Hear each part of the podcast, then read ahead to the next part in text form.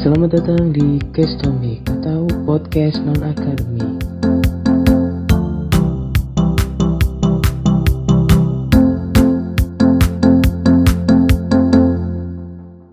Assalamualaikum warahmatullahi wabarakatuh. Balik lagi nih di Kastomik Podcast non-akademik Hari ini kita mau bahas tema yang seru dan juga lagi booming banget nih Terutama di era pandemi sekarang Banyak banget kan anak muda yang udah punya niat untuk mulai bisnis Tapi masih ragu-ragu karena belum ada uh, Mungkin belum ada ide, belum ada niat, belum belum ada wawasannya juga masih kurang gitu kali ya. Uh, dan di sini yang pasti untuk ngomongin bisnis gue nggak nggak akan sendirian di sini gue udah undang temen gue yang kebetulan dia udah memulai bisnisnya sendiri sebelum gue kenalin temen gue ini buat kalian yang belum nonton dan juga dengerin Customic episode sebelumnya wajib banget ya dicek abis nonton video ini. Pembahasannya itu tentang skincare dan yang pastinya banyak banget ilmu baru skincare khususnya buat para pemula. Dan juga jangan lupa buat subscribe, like, dan komen di YouTube-nya Hima Action. Kalian juga bisa nih cek uh, Spotify-nya Hima Ekonomi Syariah. Atau bisa juga langsung search uh, custom kayak langsung aja nih gue undang temen gue Irsyad. Halo, Assalamualaikum warahmatullahi wabarakatuh. Selamat siang, halo Salwa, apa kabar Wak? Halo, Waalaikumsalam warahmatullahi wabarakatuh. Siang, baik, Alhamdulillah kabar gue baik. Kalau lo sendiri gimana nih kabarnya? Alhamdulillah, kabar gue baik, uh, sehat juga Dan belum uh, belum ada kendala apa-apa. Paling bosen doang sih di rumah. Eh, eh btw ini mm uh, ditayanginya di YouTube apa di Spotify sih? Dua-duanya dong di YouTube oh, ada di Spotify juga ada iya iya. Keren keren keren keren. Customic keren. Ya keren, gimana keren. gimana gimana iya. oke mbak langsung deh kenalan dari lo sendiri.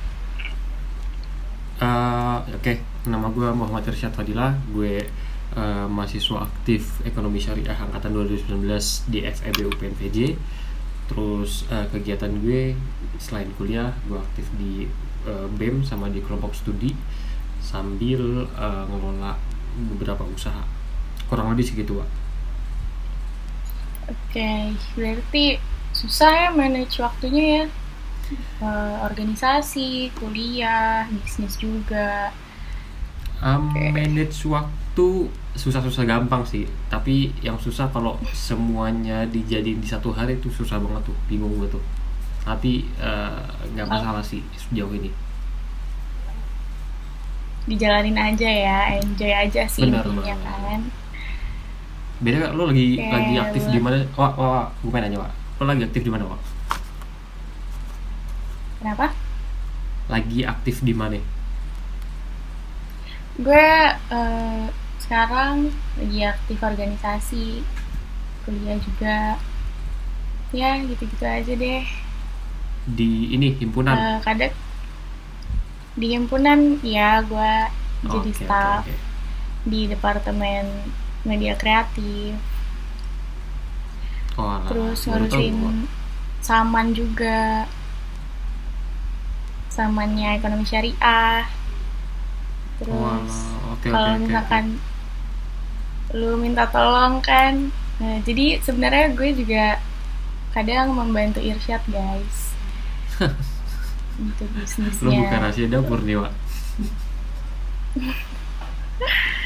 Oke boleh Oke, langsung gimana, gimana, aja gimana, kali gimana, ya ke topik gimana? bisnisnya Boleh boleh Bisnis lo tuh apa sih Syat? Kalau boleh tahu teman-teman uh, yang pada nggak tahu mungkin ya Oke oke, yang pertama itu di Panahan, gue ada archeryhouse.id, itu nama Instagramnya.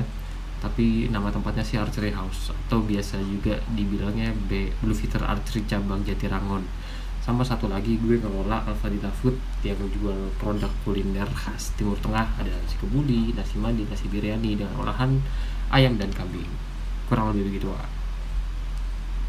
Oke, berarti uh, bisnis lo ini ada dua. Yang pertama di bidang jasa ya masuknya ya. dan Yap. yang kedua di bidang kuliner. Ya, benar Buat teman-teman tuh boleh tuh dicek Instagramnya rcherryhouse.id sama alfadilah.food. Betul sekali. Nah, eh, kapan sih lo mulai bisnisnya nih? Si Archery Eh, House sama Alfadilah Food ini? Oke, Archery House itu berdiri pada 2019. Gue lupa bulan Agustus apa bulan eh, Juli. Terus yang Alfadila Food itu bulan Juni 2020 sampai sekarang. Cuma kan lagi PPKM begini nggak mungkin kegiatan outdoor yang ngumpul-ngumpul di diselenggarain gitu kan. Jadi yang apa namanya yang panahannya eh, harus di stop sekarang tapi yang Alfadilahnya ini yang usaha kuliner gue sampai kemarin masih terima orderan alhamdulillah Oke, berarti masih lancar ya buat Alfadilah.food. Alhamdulillah. lancar sih Wak. alhamdulillah Alhamdulillah. Nah, kira-kira nih ide bisnisnya tuh dari mana sih? Terus kenapa memilih eh, jadi apa ngelatih panahan dan kenapa juga milih jualan nasi olahan nasi biryani, nasi kebuli dan nasi mandi? Eh, sebenarnya awalnya karena suka sih Wak. cuma ntar keterusan gitu jadi ya dijalanin aja. Tapi emang basicnya gue sebelum di kepelatihan panahan itu gue emang eh, jadi murid di klub itu di Blue Feather Archer ini gue jadi murid dari tahun 2015 terus eh, sampai 2018 gue diangkat ke pelatih. Di 2019 gue dipercaya buat pegang cabang. Kalau kalau panahan ya hobi lah istilahnya lah tapi kalau di kuliner ini eh, sebenarnya hobi juga cuma agak serius aja dulunya. Tapi kalau yang di kuliner ini yang pertama gue suka eh, makanan Arab. Ya gue suka banget makanan Arab. Terus gue agak-agak bisa masak sedikit. Terus eh, waktu itu waktu 2020 itu kan lagi awal-awal corona gitu kan. Lagi awal-awal apa namanya PSBB nah itu gua nggak ada kegiatan bosen di rumah ngapain. Terus tercetus lah ide kenapa nggak gue bikin sesuatu gitu. Ya udah terbentuklah Alfadila secara tidak sengaja dan iseng-iseng tapi keterusan sampai sekarang. Tapi basicnya ya karena karena suka sama apa yang dikerjain aja. Istilahnya hobi yang uh, keterusan gitu loh. Oke, berarti eh, bisnis itu emang ya kayaknya lebih enak dijalanin kalau dari hobi. Berawal dari Bener hobi, banget. terus dijadiin bisnis. Kayak Iya, bakalan asli. enjoy banget ya jadinya. Iya enak kalau gue sih enak kayak gitu pak karena ngejalaninnya juga kayak eh, ya lo ngejalanin hobi aja senang senangnya beda dibanding lo kerja karena emang wajib kerja tapi ini kan karena emang senang juga jadi ngerjainnya eh, seberat beratnya ngerjain masih masih agak senang dikit lah gitu kurang lebih Iya benar-benar seberat-berat yang ngerjain ya masih hobi juga ya, nggak terlalu ngerasa beban karena kayak ini tuh kerjaan gitu enggak ya kayaknya. enggak enggak enggak dibikin enjoy aja sih kalau gue sih Eh, tadi kan eh, Archery itu udah mulai dari 2019, berarti Yap. dari sebelum pandemi ya. Iya, Terus tiba-tiba pandemi. pandemi nih, tiba-tiba pandemi nih, gimana sih kayak berusaha buat berjuang melawan pandemi, apalagi kan di bidang jasa tuh susah ya. Di era Hmm. pandemi kayak gini banyak orang yang nggak percaya, takut. Gimana sih perjuangan lu? Eh, sebenarnya gimana ya kalau di bidang jasa kayak gitu juga eh, agak-agak susah gitu kan bahkan yang lebih parah dari gue itu banyak cuma hitungannya gue masih bisa ke handle lah Eh, dan eh, dari awal sebelumnya sebelum corona tuh eh, apa namanya perkembangannya tuh bagus banget. Eh, apa namanya kegiatannya bisa rutin setiap pekan itu ada kegiatan terus apa namanya membernya juga bisa bisa latihan secara rutin tapi masuk pandemi ya kita nggak bisa kumpul-kumpul dan kegiatan dibatasin yaitu berdampak juga sih sebenarnya sih.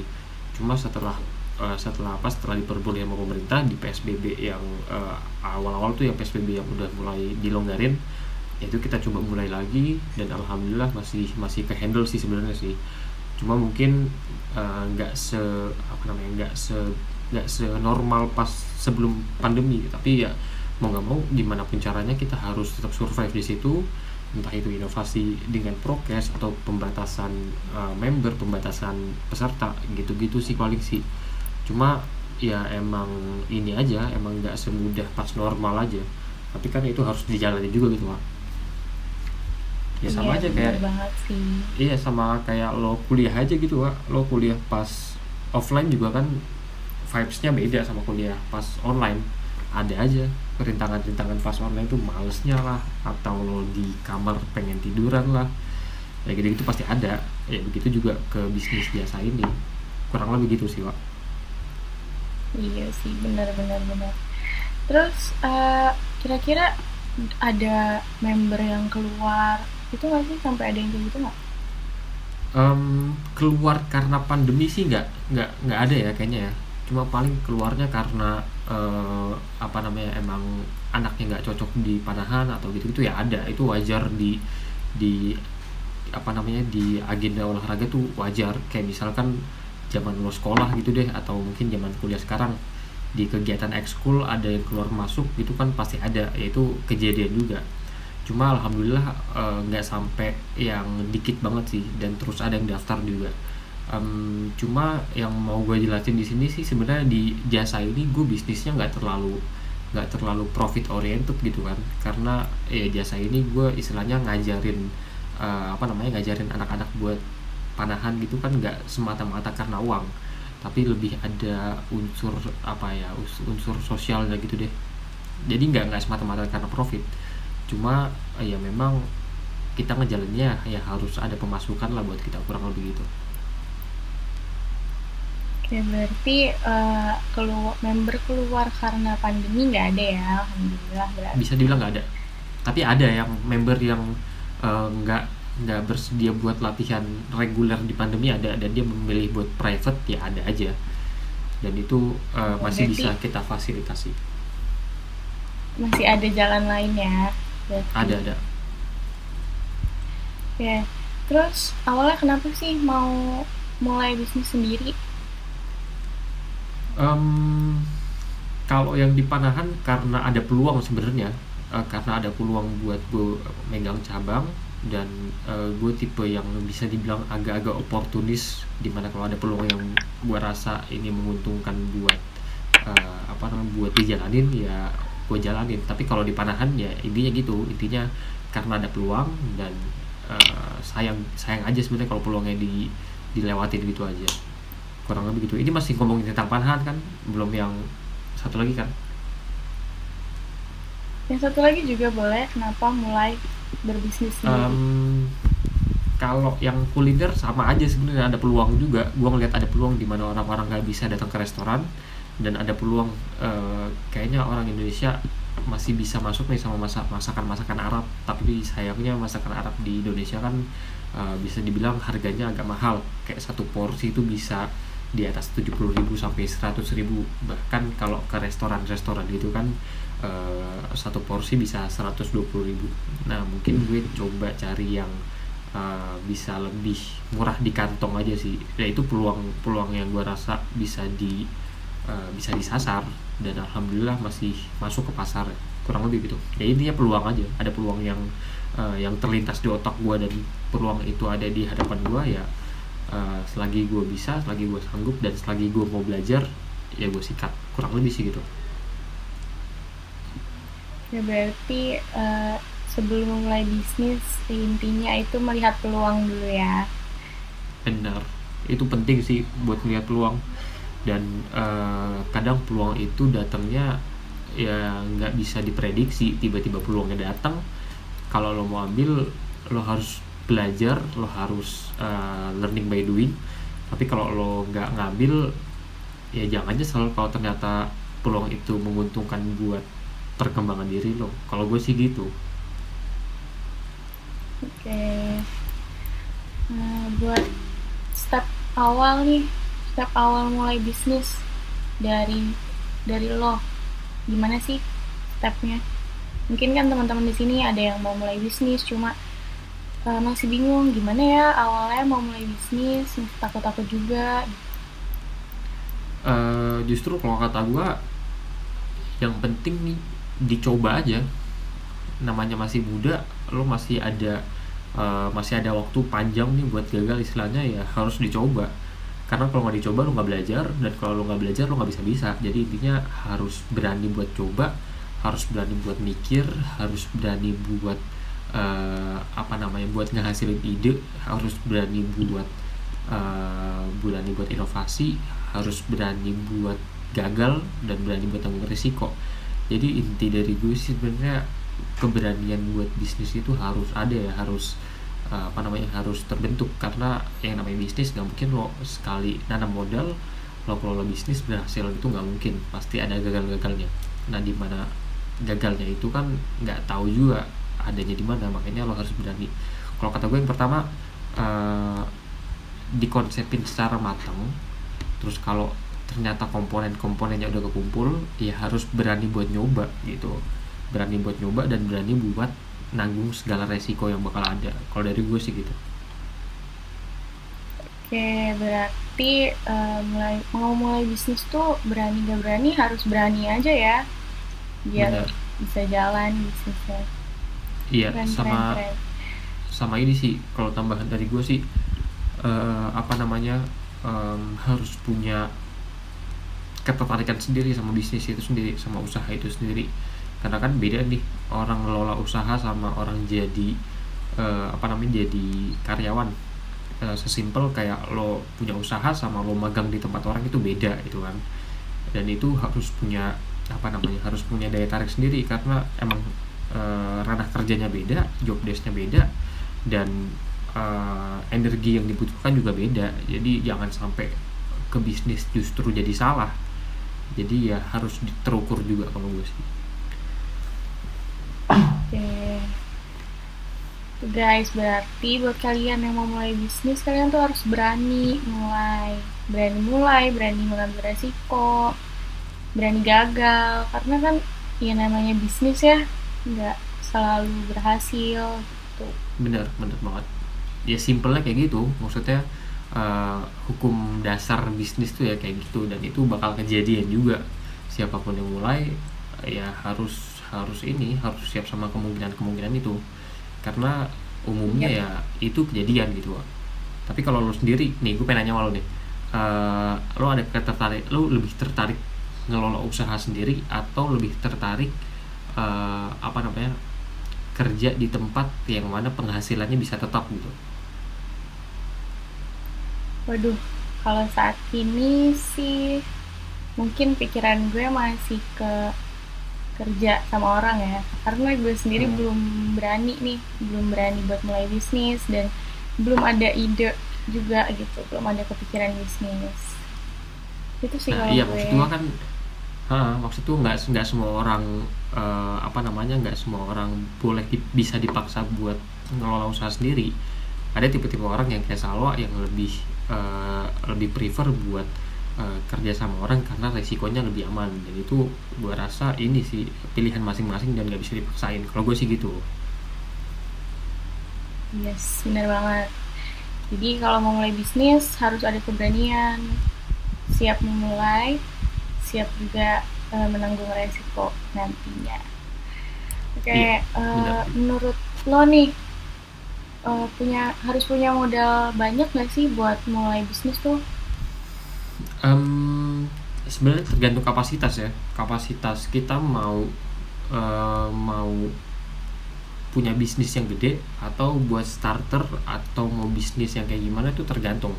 Tapi kalau gue pribadi sebenarnya nggak harus juga dan modal itu bisa di ini bisa dicari dengan sistem kerjasama.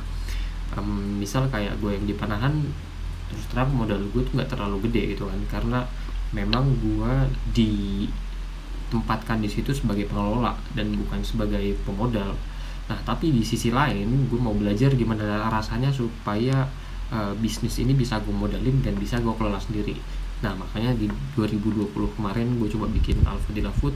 Itu sampai sekarang bisnisnya 100% dari gue sendiri dan pengelolaannya juga masih ada di tangan gue.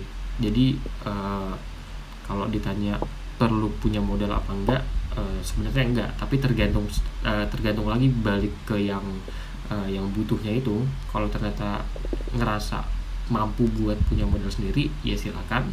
Tapi kalau ternyata punya kemampuan buat mengelola tanpa ada modal ya boleh coba ngajuin apa namanya ngajuin permodalan gitu. Kayak misalkan uh, banyak kompetisi-kompetisi bisnis yang hadiahnya itu um, modal bisnis dan itu bisa diikutin gitu. Banyak sih caranya sebenarnya nggak nggak nggak nggak semuanya harus pakai uang sendiri. Gitu pak ya. ya berarti tergantung uh, bisnisnya juga ya. Uh, kalau misalkan yep. bisnisnya mau nyoba-nyoba dulu mungkin modalnya nggak harus gede jadi bisa pakai modal dari sendiri gitu ya. Hmm. mungkin dan gini mas sebenarnya Ha, ya, sebenarnya ya. gini kalau dari dari gue sebenarnya uh, ini gue ngomong buat seumuran gue ya buat anak yang uh, sepantaran sama gue atau beda dikit.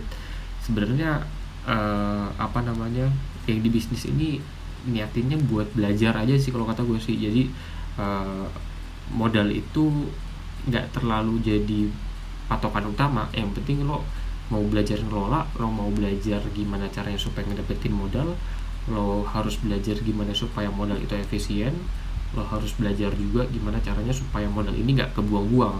Nah itu yang yang menurut gue lebih penting buat dipertimbangin. Jadi bukan seberapa besar modalnya tapi uh, gimana cara cara uh, modal yang lo pegang ini jadi efisien dan efektif. Kalau gue sih gitu.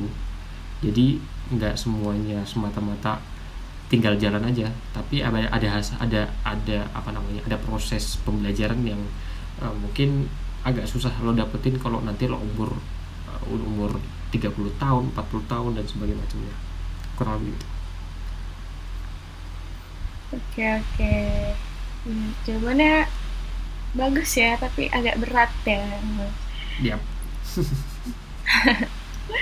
oke uh, menurut lo nih mental yang harus disiapin yang wajib kita punya sebelum mulai bisnis tuh apa sih? Um, mental mental ya itu mental berani mental berani gagal mental berani rugi mental berani buat dengerin komplainan customer mental buat berani nyoba tapi kalau digaris bawain semuanya ya harus punya mental keberanian yang apa ya yang cukup lah. Karena kalau ternyata mental lo nggak nggak kuat di bisnis baru kena istilahnya baru kena ombak sekali bisa bisa tumbang. Karena semakin gede bisnis lo makin banyak ini makin banyak cobaan-cobaan atau ujian-ujian yang uh, lebih gede lagi kurang lebih gitu. Contohnya contohnya gini contohnya. Pas awal-awal gue mulai bisnis kuliner mungkin uh, komplainan tentang produk tuh cuma sebatas ah ini kurang kurang ini kurang asin atau kurang apalah kurang uh, kurang berasa bumbunya sebatas itu. Tapi kalau lo semakin besar ini nggak nutup kemungkinan lo dikomplain karena pelayanannya karena lo telat nyampe karena uh, apa namanya karena uh, ini nggak sesuai sama selera itu makin banyak. Jadi uh, gue rasa mental keberanian ini harus ada di diri orang yang memulai bisnis. Tapi ini bisa dipelajari dan uh, eh, gue respect buat orang-orang yang mau belajar di persoalan ini kalau gue gitu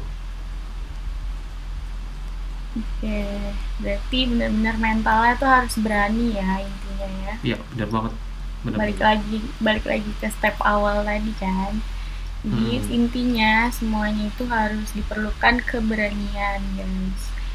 Tapi kan di sini tuh pasti banyak banget ya uh, teman-teman yang mikirnya mungkin masih kayak gue mau bisnis biar gue punya uang gitu. Jadi ya nggak bisa kayak gitu guys. Ternyata kalau berbisnis tuh tidak semudah itu. Nggak bisa kayak gini wak. Gue uh, mulai bisnis dapat duit gitu. Sebenarnya sih gini wak. kalau gue mikirnya kalau gue mikirnya uh, ya nggak masalah juga mikir kayak gitu. Tapi di sisi lain ada satu nilai yang penting buat dipelajarin ya sisi pembelajarannya ini pembelajaran dari pengalamannya ini karena kan yang namanya uh, keuntungan di bisnis itu kan istilahnya hmm, hasilnya gitu kan buahnya. Tapi yang jadi nilai pentingnya itu ya proses belajarnya ini gimana lo bisa ngatur waktu lo ngatur uh, produksi lo ngatur uh, kualitas produk dan sebagainya macamnya itu yang yang sebenarnya bisa jadi nilai bagus banget lebih bagus daripada keuntungan dari bisnis itu sendiri oke oke lanjut ya uh, lanjut lanjut lanjut uh, apa aja sih yang harus diperhatiin sebelum dan juga setelah berbisnis? Um, yang perlu diperhatiin pertama adalah objek bisnisnya sendiri sih, objek produknya sendiri. Lo mau ngejual apa? Kira-kira produk itu uh, bisa dijual atau atau enggak? Terus gimana cara lo ngejualnya? Intinya sih konsep marketingnya itu sendiri gimana? Karena kalau bicara marketing kan ngomongin tentang gimana produk itu dibuat sampai uh, gimana produk itu bisa terjual.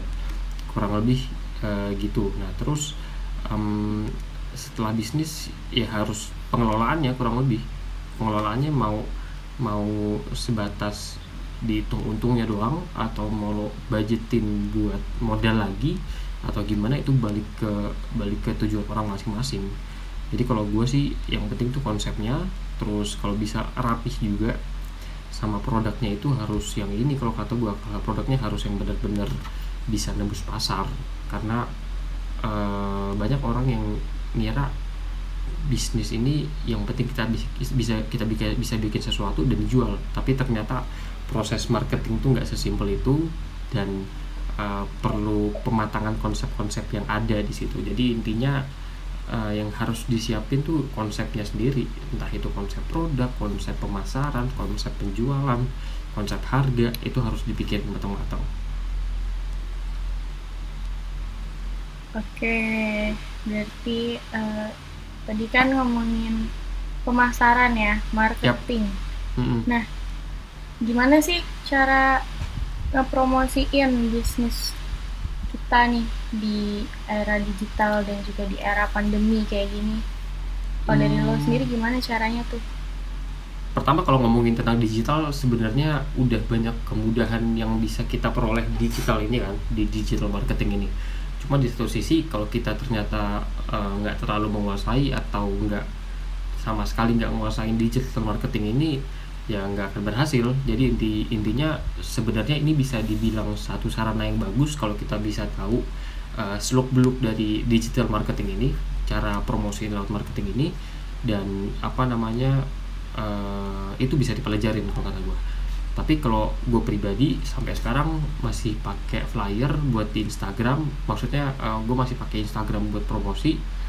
Terus uh, di Instagram itu kan maksudnya audio visual gitu kan yang mana hasil promosi lo ini bisa bentuk foto bisa bentuk video atau bisa bentuk uh, fitur-fitur lainnya kayak di Instagram itu kan ada reels ada story ada uh, post di feeds itu harus ini sih harus apa namanya harus dikuasain dan dengan desain yang bagus yang cocok buat dilihat. Nah, terus uh, di pandemi ini sebenarnya di satu sisi ada hambatan, tapi di satu di satu sisi ada peluang. Sisi peluangnya itu yang mungkin bisa dicari di eh, masing-masing uh, orang. Dan mungkin hambatannya ini yang apa ya, yang mungkin harus diatasi juga. Misalkan kalau di sisi uh, peluang orang-orang banyak yang nggak keluar rumah, jadi coba kita promosiin uh, gimana caranya supaya barang kita ini nggak perlu ketemu langsung. Maksudnya nggak perlu uh, transaksi on the spot gitu. Misalkan uh, kalau yang gue lakuin di usaha kuliner ini orang-orang uh, tetap di rumah tapi nanti makanan yang dipesan ini diantar ke rumah. Jadi kan orang nggak perlu keluar rumah. Itu kira-kira uh, bentuk peluang yang bisa dicari di di era pandemi. Terus cara promosi bisnis digital itu juga bisa pakai fitur ini sih fitur uh, Instagram Instagram Ads atau paid promote itu bisa dipakai. Cuma mungkin eh, nggak semuanya bisa efektif itu tergantung model bisnis masing-masing sama tergantung target market masing-masing. Gitu sih Wak kalau dari gua.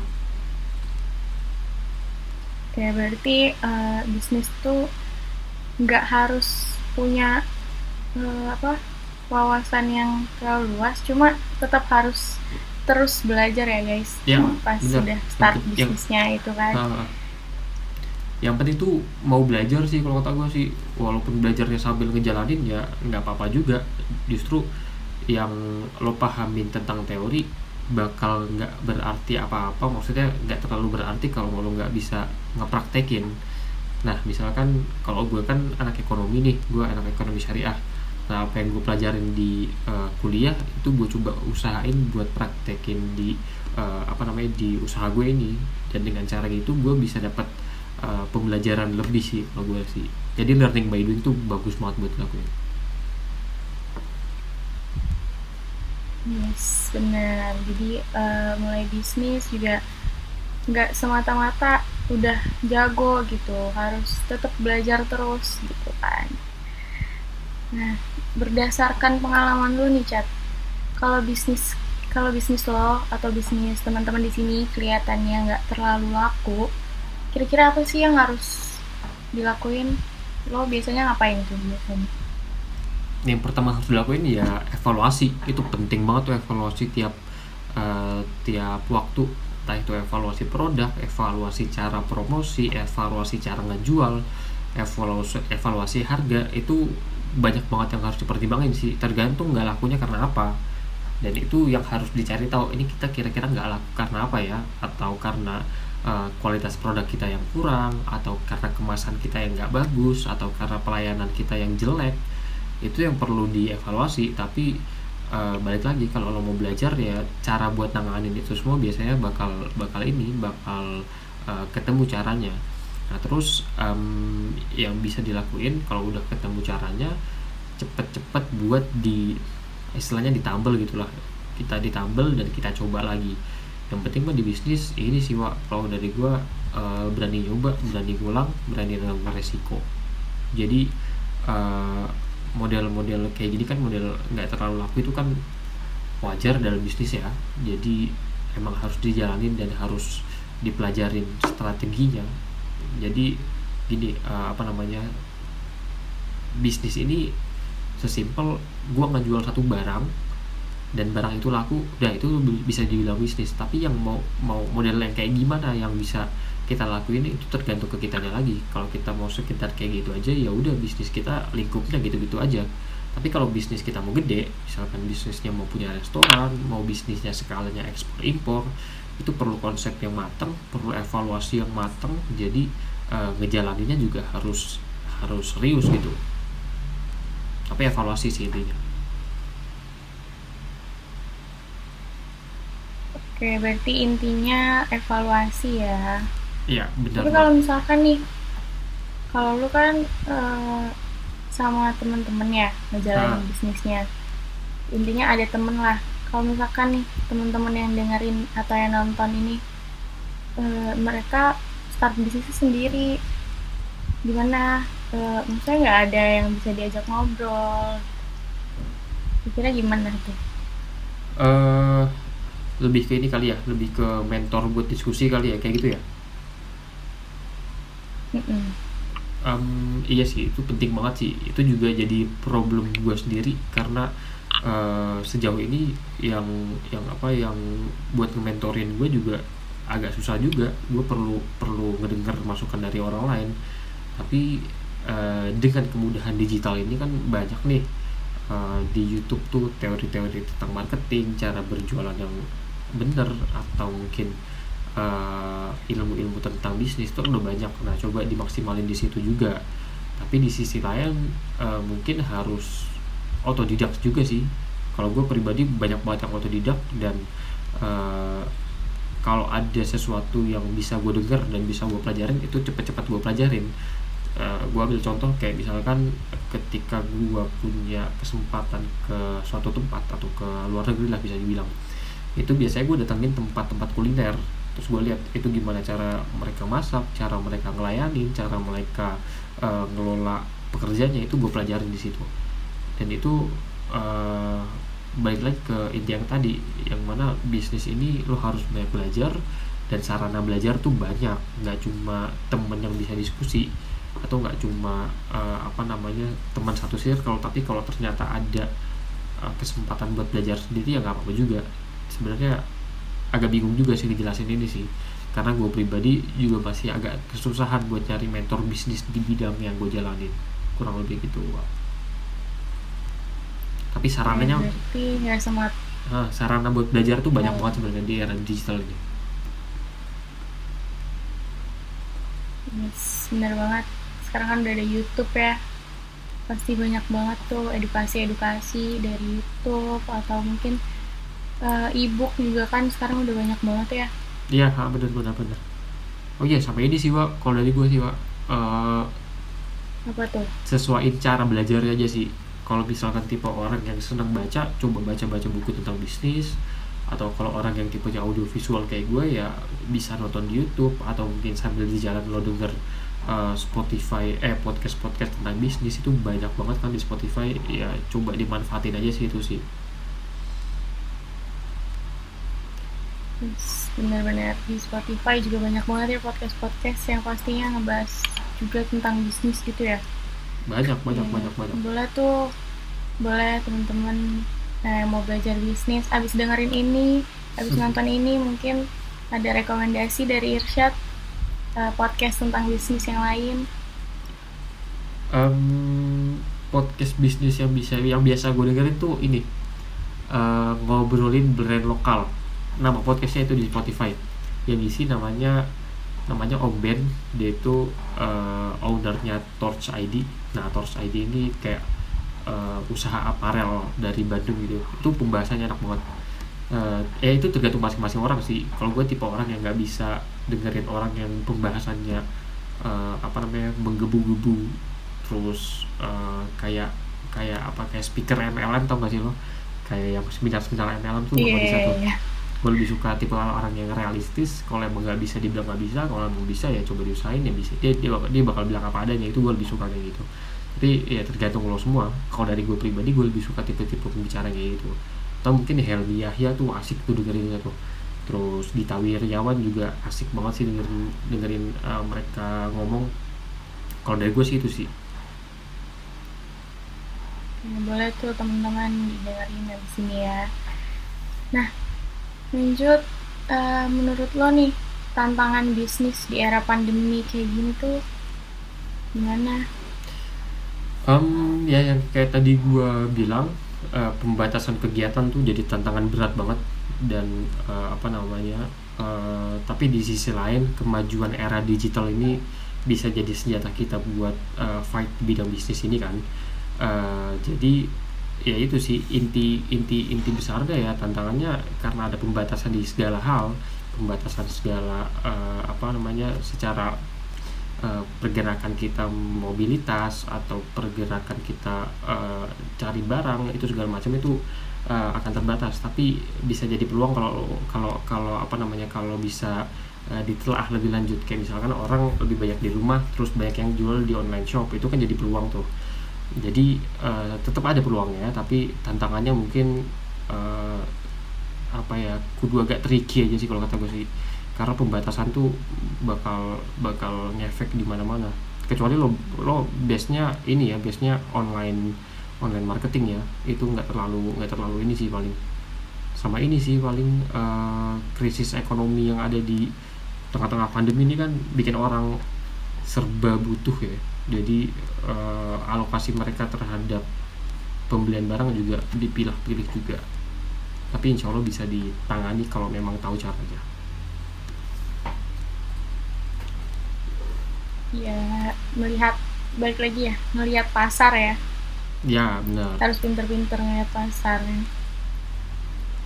dan alhamdulillahnya juga sekarang dimudahkan dengan adanya Instagram eh, TikTok juga kan sekarang juga aku banget tuh. Misalkan iya tuh, ada ah, orang bener, yang bener, ngepromosiin lewat TikTok.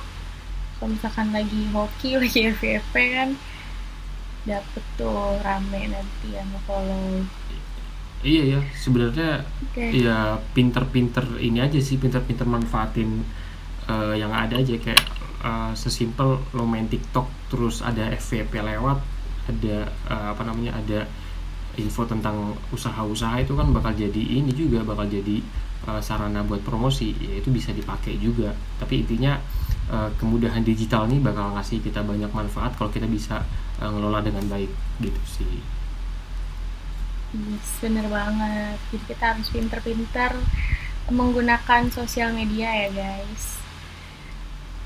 benar Terus pertimbangan lo nih, pertimbangan mulai bisnis sambil kuliah, gimana tuh? Hmm, yang pertama gue pertimbangin adalah eh, waktu. Waktu tuh penting banget karena gue nggak mau gak mau kuliah gue terganggu dengan bisnis gue. Jadi gue harus pertimbangin waktu. Terus gue juga perlu pertimbangin eh, mental dan pikiran. Tuh penting banget sih itu sih. Karena eh, kadang kalau terlalu capek juga akibatnya gampang stres juga sih. Jadi eh, suka pusing sendiri atau gimana. Tapi itu eh, yang harus dipelajarin gimana caranya supaya pertimbangan-pertimbangan ini bisa kita kelola dengan baik. Eh, bisa pertimbangan waktu, pertimbangan tenaga, pertimbangan energi, pertimbangan kita buat mikir itu perlu banget dikonsepin dan perlu dirapiin kalau dari gue itu. Oke, ngomong-ngomong soal waktu, gimana caranya manage waktu buat kuliah? Kan lo kuliah, bisnis, organisasi, kepanitiaan. Gimana tuh Em, caranya manage waktunya? Em, ini ya ini sebenarnya jawaban yang agak susah buat dijawab dan ini jawaban tiap orang pasti beda-beda tapi ini gue jawab versi gue yang pertama yang waktu yang udah fix itu kan waktu kuliah waktu kuliah udah kita tentu di awal eh, harinya hari apa jamnya jam berapa itu itu eh, apa namanya udah fix ya nggak bisa nggak bisa tiba-tiba gue ganti kan. Yang mungkin yang gue akalin ya di ininya di bisnisnya aja. Alhamdulillah kan bisnis gue nggak bisa dibilang apa ya eh, bentuknya freelance gitu kan. Nggak setiap hari ber, ber apa nggak setiap hari jalan. Jadi paling gue coba cari-cari waktu kosong dan gue isi. Cari waktu kosong gue isi cari waktu kosong gue isi. Terus ini juga sih paling eh, apa namanya pinter-pinter kita juga buat ngeplot-plotin waktu juga itu penting banget. Ya misalkan eh, hari Sabtu Minggu tuh kan nggak ada kuliah tuh itu lo punya pilihan buat main juga kan? Nah itu paling yang jadi pertimbangan gue juga. Lo mau main jam berapa? Misalkan mainnya sore mainnya malam eh, sore sampai malam. Ya oke nggak apa-apa tapi mungkin eh, buat pagi sampai siang gue luangin buat waktu usaha gue. Terus mungkin eh, di organisasi juga mungkin cari waktu rapatnya ya eh, gue bilang sama teman-teman gue kalau gue punya waktu rapat eh, jam segini sampai jam segini itu sih paling kita harus punya punya apa namanya punya prinsip sendiri buat ngatur waktu. Eh, cara cara cara apa namanya cara umumnya gue bingung juga gimana jawabnya karena itu tergantung orang masing-masing. Kalau gue pribadi caranya gitu gue bisa ngatur waktu gue sendiri dan enaknya bisnis sendiri ya bisa ngatur waktu sendiri. Itu sih intinya sih eh, karena bisnis yang gue jalanin waktunya gue ngatur sendiri jadi nggak terlalu masalah di pengaturan waktu. Ya berarti kalau soal bisnis tergantung lo nya ya. Kayak lagi kosongnya di hari apa Di jam berapa. Mungkin baru open pre-order ya kan sistemnya? Benar ya. Untuk organisasi ya emang kita lebih apa ya tentatif ya waktunya kalau untuk rapat-rapat gitu bisa Mm-mm. bisa request kayak eh gue nggak bisa nih hari ini gitu mungkin bisa di hari lain Iya sih, Wak. Sih, kalau Kalau kalau kalau gue bisa gitu, gue bisa gitu. Gue gue terus terang sama teman-teman gue. Eh, gue nggak bisa tiba-tiba dadakan buat rapat, agak susah. Tapi ya itu tergantung masing-masing orang gitu kan. Kalau lu gimana Wak kira-kira Wak? Lo ada problem gak nih ngatur waktu? Sama sih. eh, ngatur waktu organisasi sama kuliah? Sama sih kurang lebih kalau organisasi ya kalau misalkan gue nggak bisa gue akan bilang gue nggak bisa. Mungkin ada eh, kebutuhan atau keperluan lain atau ada rapat dari kepanitiaan atau organisasi lain gitu. Yang bentrok. Jadi kayak gue nggak bisa nih di hari ini gitu. itu sih enaknya memang ya. Kalau online gini mungkin saling ngertiin ya. Hmm. Tapi ini sih yang mungkin kadang orang lupa tuh eh, tanggung jawab sama tugas masing-masing. Maksudnya jangan sampai lo izin tapi lo li- tinggalin tanggung jawab juga sih. Itu yang itu yang kadang eh, suka gua kepikiran tuh kayak gitu tuh. Lo kepikiran gak kayak gitu Wak? pikiran banget sih apalagi kalau soal kuliah ya masa kita ninggalin kuliah demi hal lain gitu kan gak mungkin nah iya makanya itu yang jadi yang kadang suka kepikiran juga cuma kan eh ya emang waktu kita juga sih masih umur segini juga masih punya banyak eh, banyak kegiatan ya coba dibikin enjoy aja kali ya Yes, bener-bener. Intinya jalaninnya santai aja guys, dinikmati aja. Karena masih muda ya, mumpung masih muda, kita coba aja lah semuanya. Organisasi, kepanitiaan, bisnis, coba-coba aja nggak apa-apa. Kalau gagal ya namanya juga mencoba ya. Nggak- apa-apa lo gagal Nah, gagal terus- masih muda tuh nggak apa-apa daripada gagal pas tua justru yang Iya. jadi problem kan gagal pas tua Masih muda juga. Hmm, bener-bener bener. Terus nanti setelah lo lulus kuliah nih, rencananya mau ngelanjutin bisnis atau mau cari kerja? Ayo, Eh, gimana nih? Mau gedein bisnis atau gimana? Eh gue juga bingung sih sebenarnya sih. Tapi kalau pertanyaannya buat ngelanjutin bisnis ya pasti gue lanjutin. Karena bisnisnya udah berjalan dan sayang aja kalau tiba-tiba ditinggalin. Cuma kalau pertanyaan tentang kerja di tempat lain eh, sampai sekarang gue nggak nutup kemungkinan ya karena eh, gue masih berpikiran di umur yang masih muda justru harus cari banyak pengalaman dan justru kalau memang ada kesempatan dan pengalaman yang eh, bisa eh, menguntungkan gue secara pribadi ya nggak nutup kemungkinan gue bakal kerja di tempat lain juga.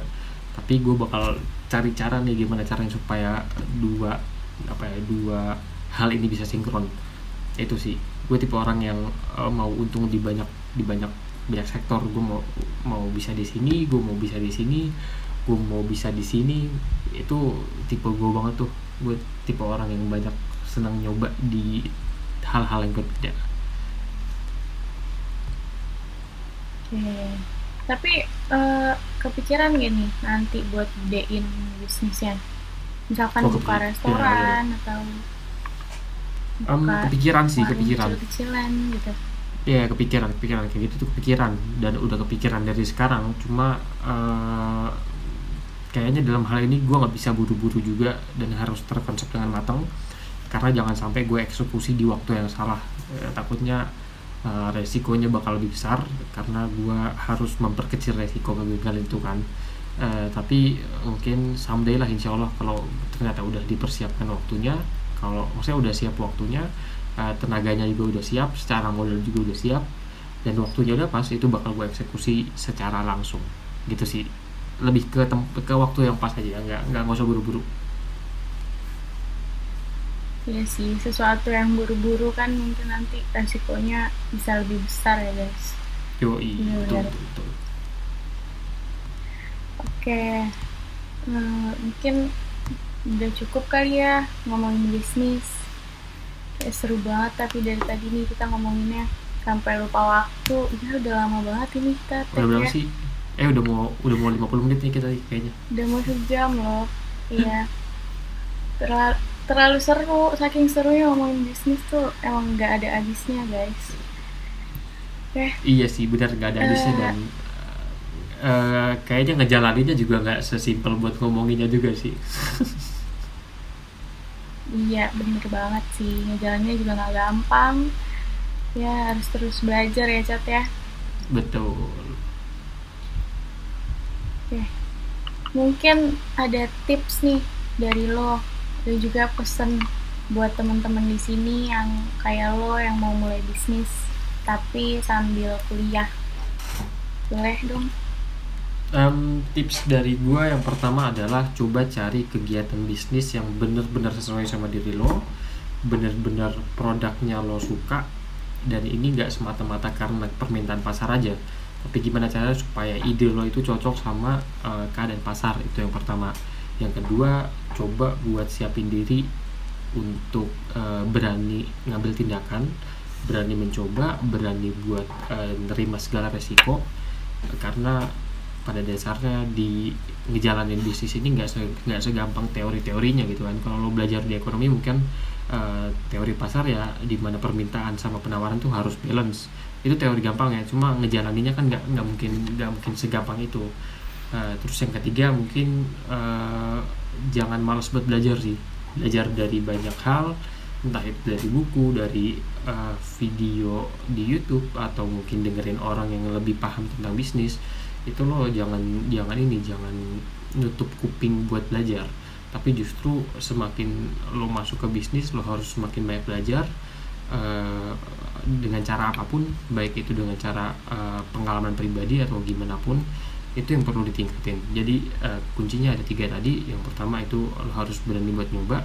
Kedua harus sesuai sama diri sendiri. Yang ketiga harus berani belajar. Itu kurang lebih. Oke uh, itu tadi tips dan pesan dari Irsyad uh, sebagai penutup dari podcast kita kali ini gimana teman-teman seru banget kan ngomongin bisnis nah mungkin uh, teman-teman di sini masih ada yang kurang paham atau mau tahu lebih lanjut tentang bisnis-bisnisnya Irsyad, boleh nih dikontak Irsyad atau di DM di Instagramnya Irsyad Fadilah. Ya kan? Bener kan? Promosi Instagram nih gue nih. Iya, siapa tahu ketemu jodoh juga kan. Aduh, males deh ngomong begitu deh. Kayak boleh tuh langsung DM Irsyad buat yang mau nanya-nanya. Atau buat kalian yang lagi pengen masakan masakan-masakan olahan dari Arab boleh langsung juga dicek alfadilah.food ya kan? Pantengin aja Instagramnya di situ. Nanti ada info-info tentang pre-order oke okay, uh, mungkin udah kali ya podcast kita kali ini sampai sini aja Oh iya, buat teman-teman mau ingetin lagi jangan lupa buat like, subscribe, dan juga komen di Instagramnya Hima Action. Oke, Chat, makasih banget nih udah menyempatkan waktunya untuk ngobrol sama gue di podcast dan akademik ini. Oke, okay, semoga bermanfaat okay, okay, okay. ilmunya buat teman-teman yang nonton dan yang dengerin. Oke. Okay segitu aja dari gue dan dari Irsyad. Uh, gue minta maaf kalau misalkan ada kata-kata yang kurang berkenan. Uh, kurang lebihnya mohon maaf. Wassalamualaikum warahmatullahi wabarakatuh. Waalaikumsalam warahmatullahi wabarakatuh. Thank you teman-teman. Thank you